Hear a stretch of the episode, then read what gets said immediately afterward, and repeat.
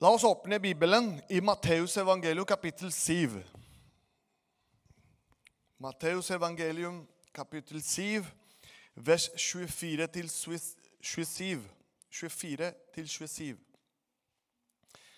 Dette er um, bibelteksten som Jesus refererer. Som man kan si det kan være krevende.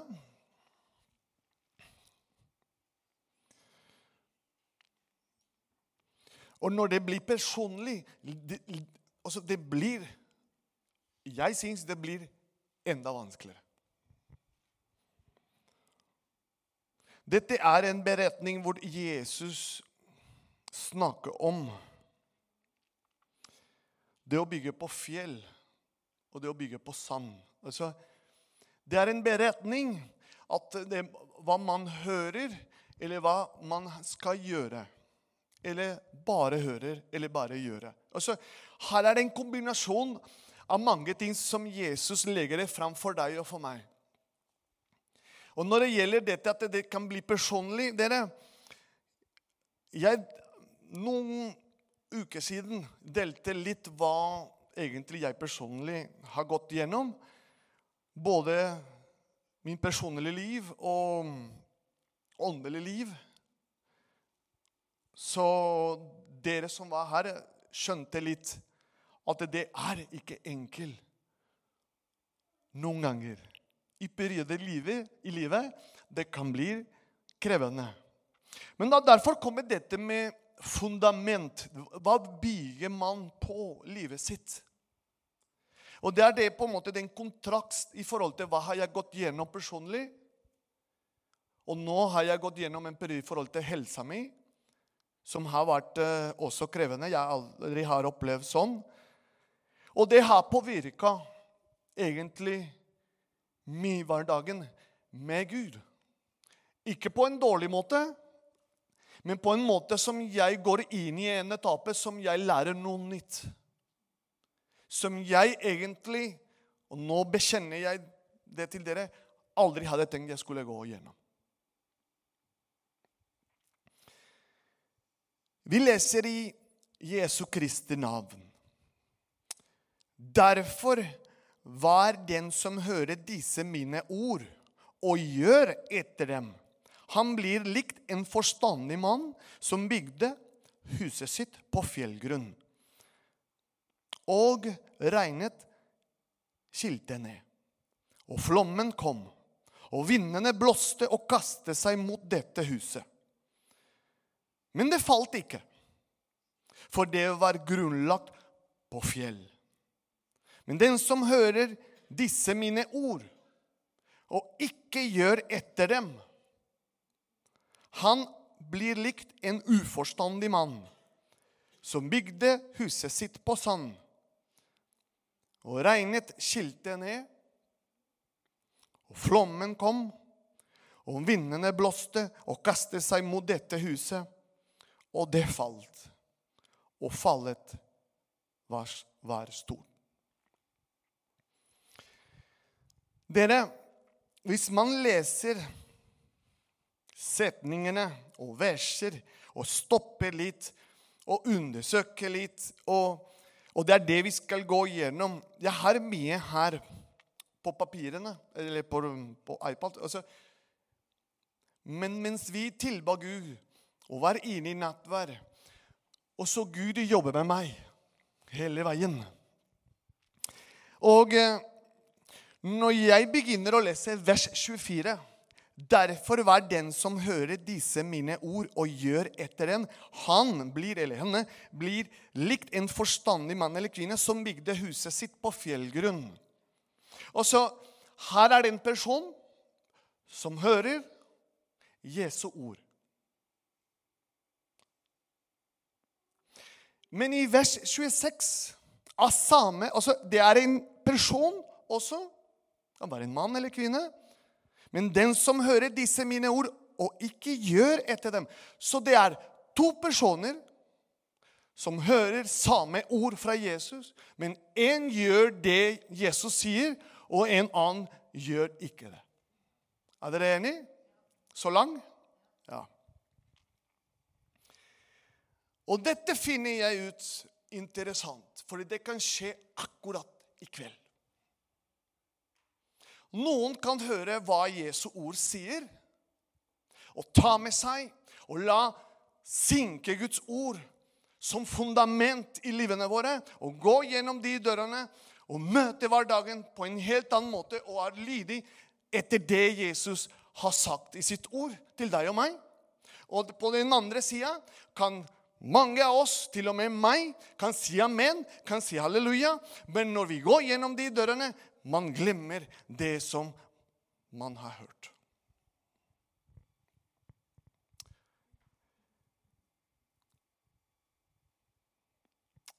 Og regnet skjelte ned, og flommen kom, og vindene blåste, blåste og kastet seg mot dette huset. Huset på den tida kan symboliseres bl.a. tre ting som man kan gå inn i.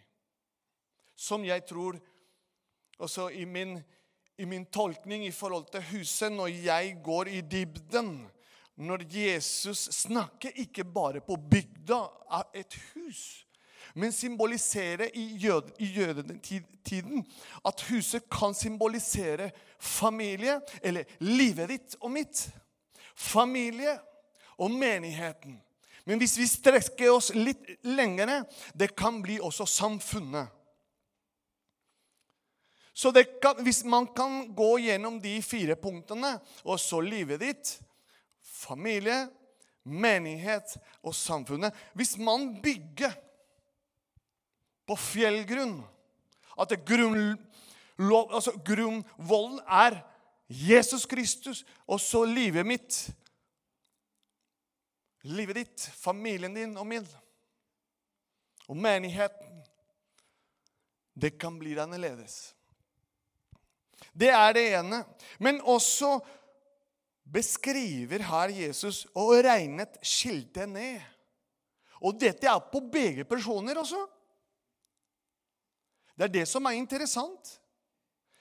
Og flommen kom for begge. Og vindene blåste og kastet seg mot dette huset.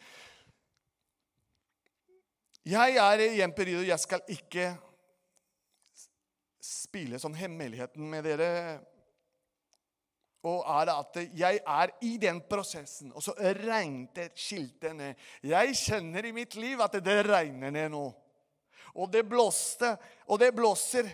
Og, og så det er, det er akkurat den beskrivelse.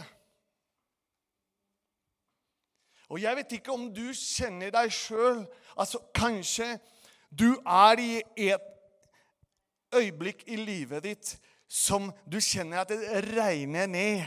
Det skilter ned. At, at du kjenner ikke Hva blir livet ditt videre? At du kjenner at flommen kommer, og du klarer nesten ikke å puste. Fordi det er så mye press man får i livet sitt i den hverdagen man kan få, at du mister krefter til å åpne Bibelen, mister krefter til å gå til dine knær, knær, mister krefter til å oppmuntre. Fordi du kjenner at det flommen, og så den kommer, og vinden da bare blåser deg fram og tilbake. Og du, du klarer ikke å se til venstre eller til høyre. Har du kjent på det, dere? Jeg har skjønt på det. Men huset falt ikke. For det var grunnlagt på fjell. På fjell, på klippe. Vi skal gå igjennom det etter hvert. Men det som hører disse mine ord og ikke gjør etter dem. Så Jesus refererer her noe som jeg tror av og til når vi kommer til menighet Derfor kjemper jeg, jeg der mens vi priste Gud. Og jeg takker Sifege som benyttet alene og ba for meg, for jeg var Skal jeg formidle dette nå i kveld? For av og til man kommer med en forventning at man skal få et skikkelig oppmuntrende ord. Men av og til kommer det et ord for å kanskje riste deg og meg. Og dette er noe som jeg kjenner i mitt liv. Når jeg formidler dette, nå har jeg begynt. Altså, det er en kamp som går i mitt indre.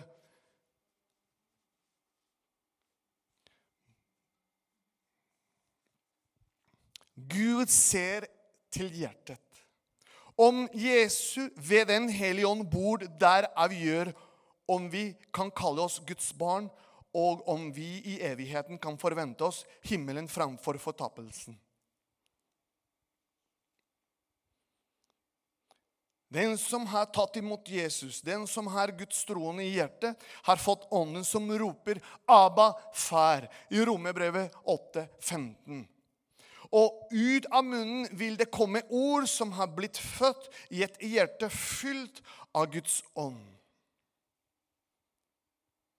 Men dere, i Matteus 7, det er andre ting som Jesus sier, som er også krevende. Hvis man går litt tilbake.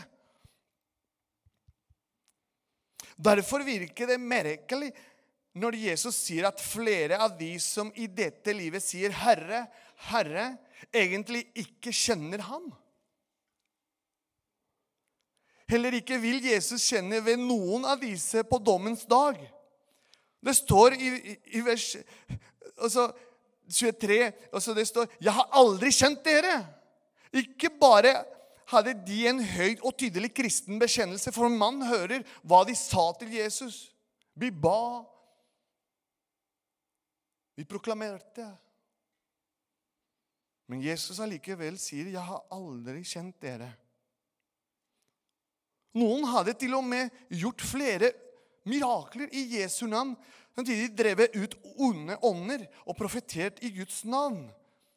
Det virker åpenbart at Jesus her ikke snakker om mennesker som var onde, hykle, eller visste at de egentlig ikke var kristne. Nei, intensjonene virker gode. Og overbevisning var sterk om at de var ekte Jesu etterfølgere. Derfor var overraskelsen det står større over at de ble avvist i himmeldøren. Hva gikk galt, dere? Hva skjedde? Hva hadde de ikke forstått eller ikke gjort riktig? Kanskje man kan spørre. Litt lengre fram. Vi skal tilbake der. Som kristne, som troen folk, er vi frelste av bare nåde. Er vi enige? Våre gode gjerninger eller våre eventuelle gode hviler hjelper ikke når oppgjørets time kommer og evigheten domstol settes. Hvis gjerningene var det avgjørende Hør nå har meg riktig. Hvis gjerningene var avgjørende, kunne vi aldri vite om vi hadde gjort nok. Mennesket kunne aldri vite om det virkelig var frelst. Men nei.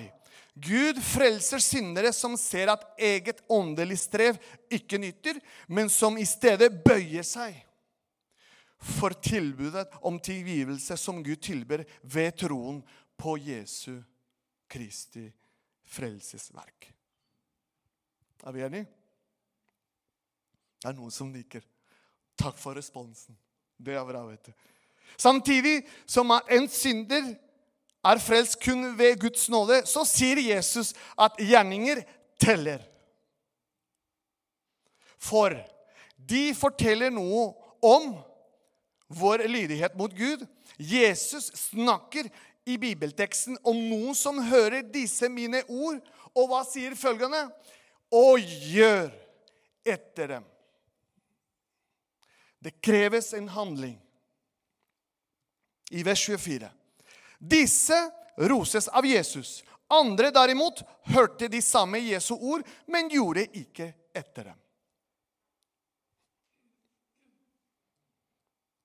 Kristendom, dere, kan fort stå i fare for å ende opp som en hørereligion.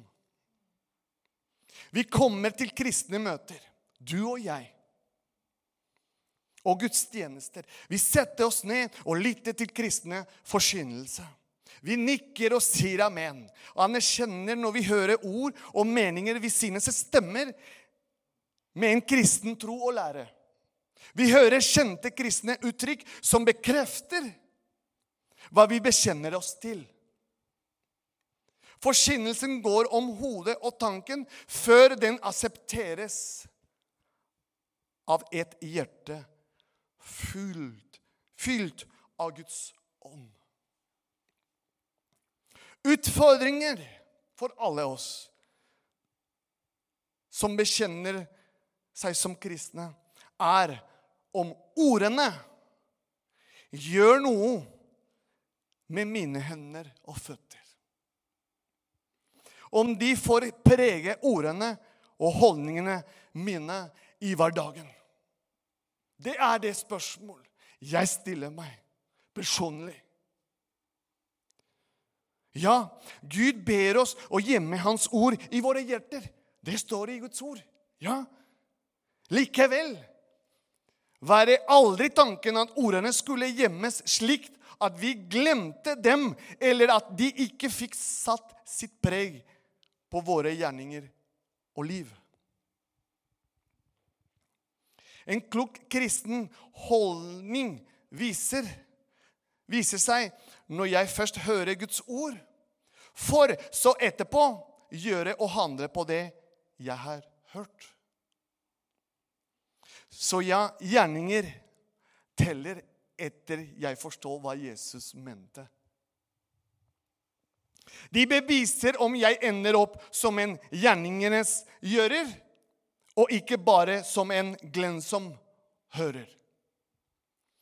I Jakobs brev, kapittel 1, vers 25, det står følgende For om noen er en ordes hører og ikke gjør etter det, da er han lik en mann som ser sitt naturlige ansikt i et speil, for han ser på seg selv, går bort, og med det samme glemmer han hvordan han så ut.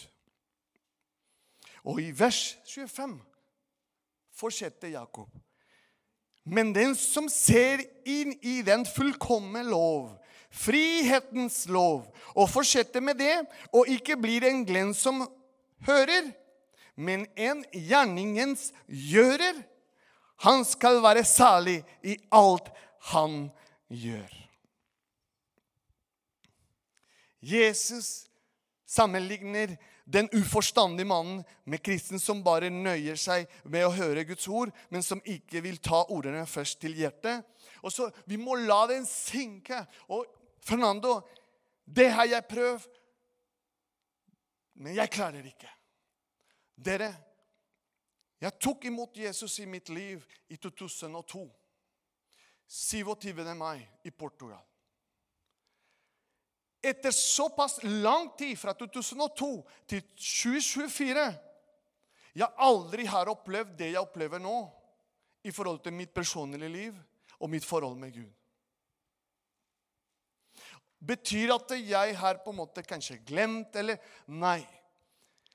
Betyr at jeg i den forstand jeg lo fiendene. At jeg skulle tro at for grunn av jeg er en pastor og er i menigheten i hverdagen min, og at jeg har en flott familie som tror på Jesus og så, Da er det gjort. Altså, da, da, da, er jeg klar, liksom. Med en gang den tanken kommer og begynner å vokse, uten at jeg skjønte ikke det, begynner jeg å miste glede. Begynner, for det er basert på mine prestasjoner. Og det er ikke det Jesus vil for deg og meg. Det skal være en genuin, åpen og ærlig forhold med Jesus.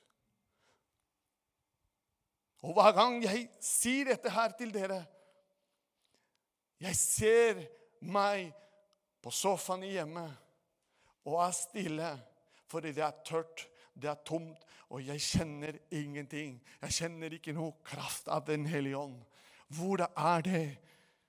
Men jeg er fremdeles fundamentert i klippet, som er Jesus, som jeg tror han skjønner hva jeg går gjennom. Det viktigste for dere er, er at det på godt og vondt vi går tilbake til det fundamentet, klippet, som er Jesus i ditt og mitt liv. Og la han forme deg på nytt med sin hånd. At han former deg på nytt. OK, Fernando. Fordi han skapte deg med en plan.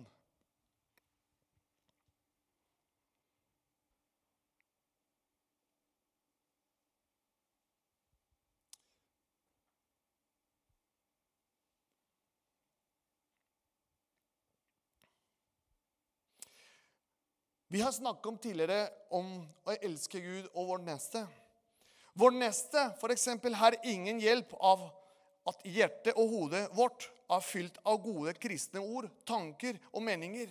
Vår neste har bare glede av vår kristen tro når den viser seg i gjerninger.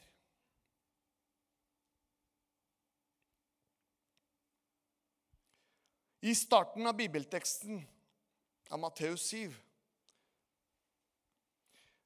var vi tilbake til dette med Herre, Herre skal komme inn i himmels rike, men den som gjør min himmelske Fars vilje. Men den som gjør Ikke med den som hører, men den som gjør min himmelske Fars vilje. Jesus kjenner ikke ved dem. Disse hadde åpenbart mange gode gjerninger å vise til. Problemet, tilbake til dette, den dilemma, hva skjedde? Akkurat i det øyeblikket, når Jesus sier 'Jeg kjenner ikke dere', hva skjedde? Problemet besto i at de brukte de gode gjerningene for å bygge egen åndelig selvtillit, samtidig popularitet i andres øyne. Fordi Gud vet hva som ligger i hjertet ditt og mitt.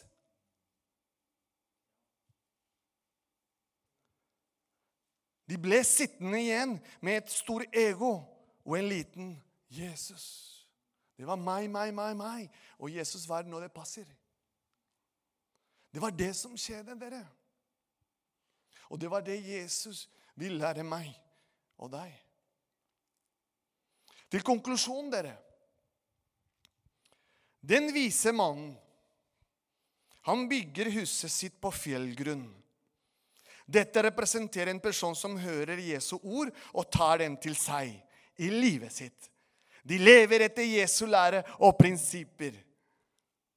Når prøvelser og utfordringer kommer, symbolisert ved regn, flom og vind, står huset, også familien din og min, livet og menigheten, fortsatt. Det står fortsatt. For det er på fjellgrunn. Jesus Kristus. Det er bygget på en solid fundament hvis man kan finne 1. Korinterbrev, kapittel 3 Paulus beskriver dette på en fantastisk måte. Og nå er jeg på veien å lande. 1. Korinterbrev, kapittel 3, vers 10.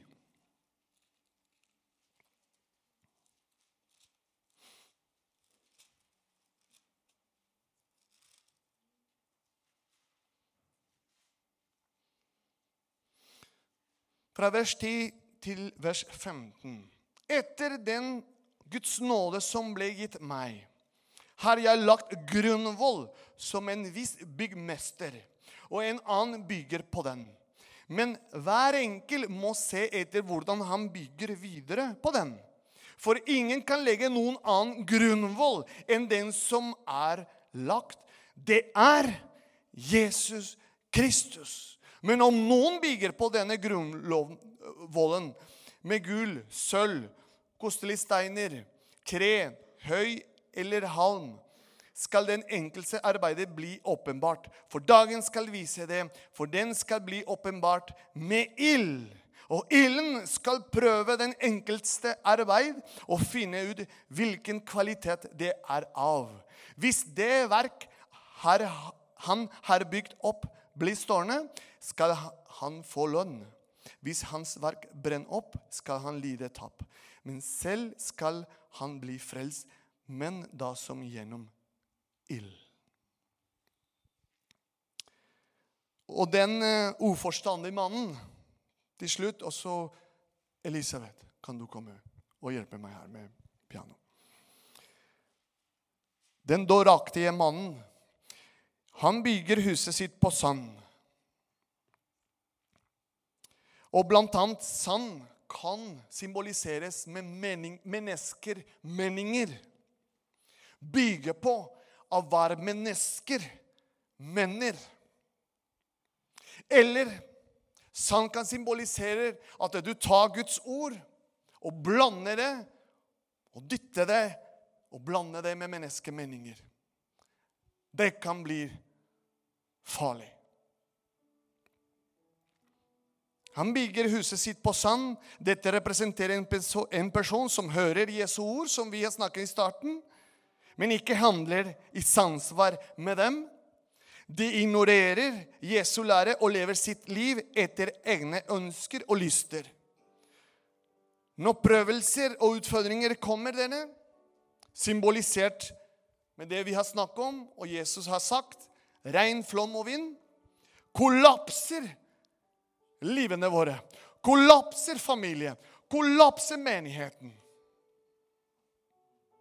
Derfor, sammen med lederskapet, sammen med alle ledere, sammen med både barneledere og ungdomsledere og Eldsterådet og alle de frivillige og deg og meg Dere, vi må holde oss tett til denne boka. Det er Grunnloven, det er Jesus Kristus. At de sidene, de bokstavene som man leser, kan bli impregnert, altså kan bli tatovert i hjertene våre. Og at vi kan, når vi går gjennom de dørene, disse ordene, få liv der ute i offentligheten. På det offentlige.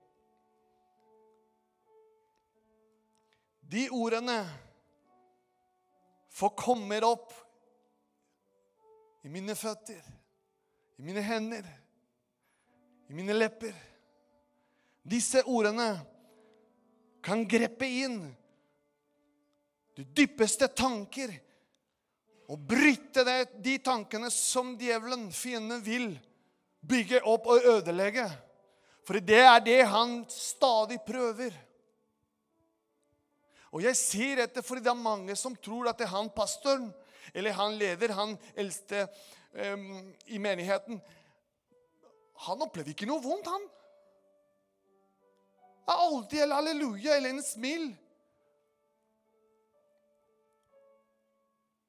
Her i Norge, da man, når man spør hvordan går det med deg, det går greit. Det er farlig. Men når jeg begynner å praktisere. Hvordan går det med deg? Ja, det er vanskelig nå. Men jeg holder meg fast i klippet, som er Jesus. Dere, til slutt er noen bibelteksten jeg vil dele med dere. I Salmene, kapittel 18, 2. Hør dette her. Herren er min klippe min borg og min frelser. Min Gud, min klippe der jeg søker tilflukt. Han er min skjold, min frelser og min borg, mitt vern. Litt videre i Salme 62. Han alene er min klippe og min frelse, min borg. Jeg skal ikke rokkes.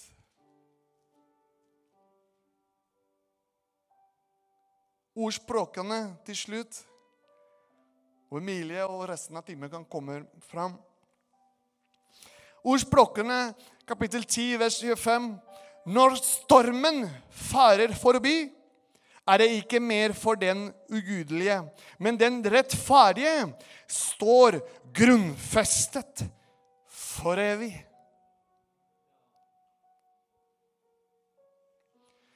Dere, jeg håper virkelig at dette ordet som vi har fått fra Herren til alle oss, kan gjøre en innvirkning i deg og meg. Og når vi går gjennom de dørene, som jeg pleier å si Det viktigste det er ikke at du kom gjennom de dørene. Det viktigste er hvordan du går gjennom de dørene ut.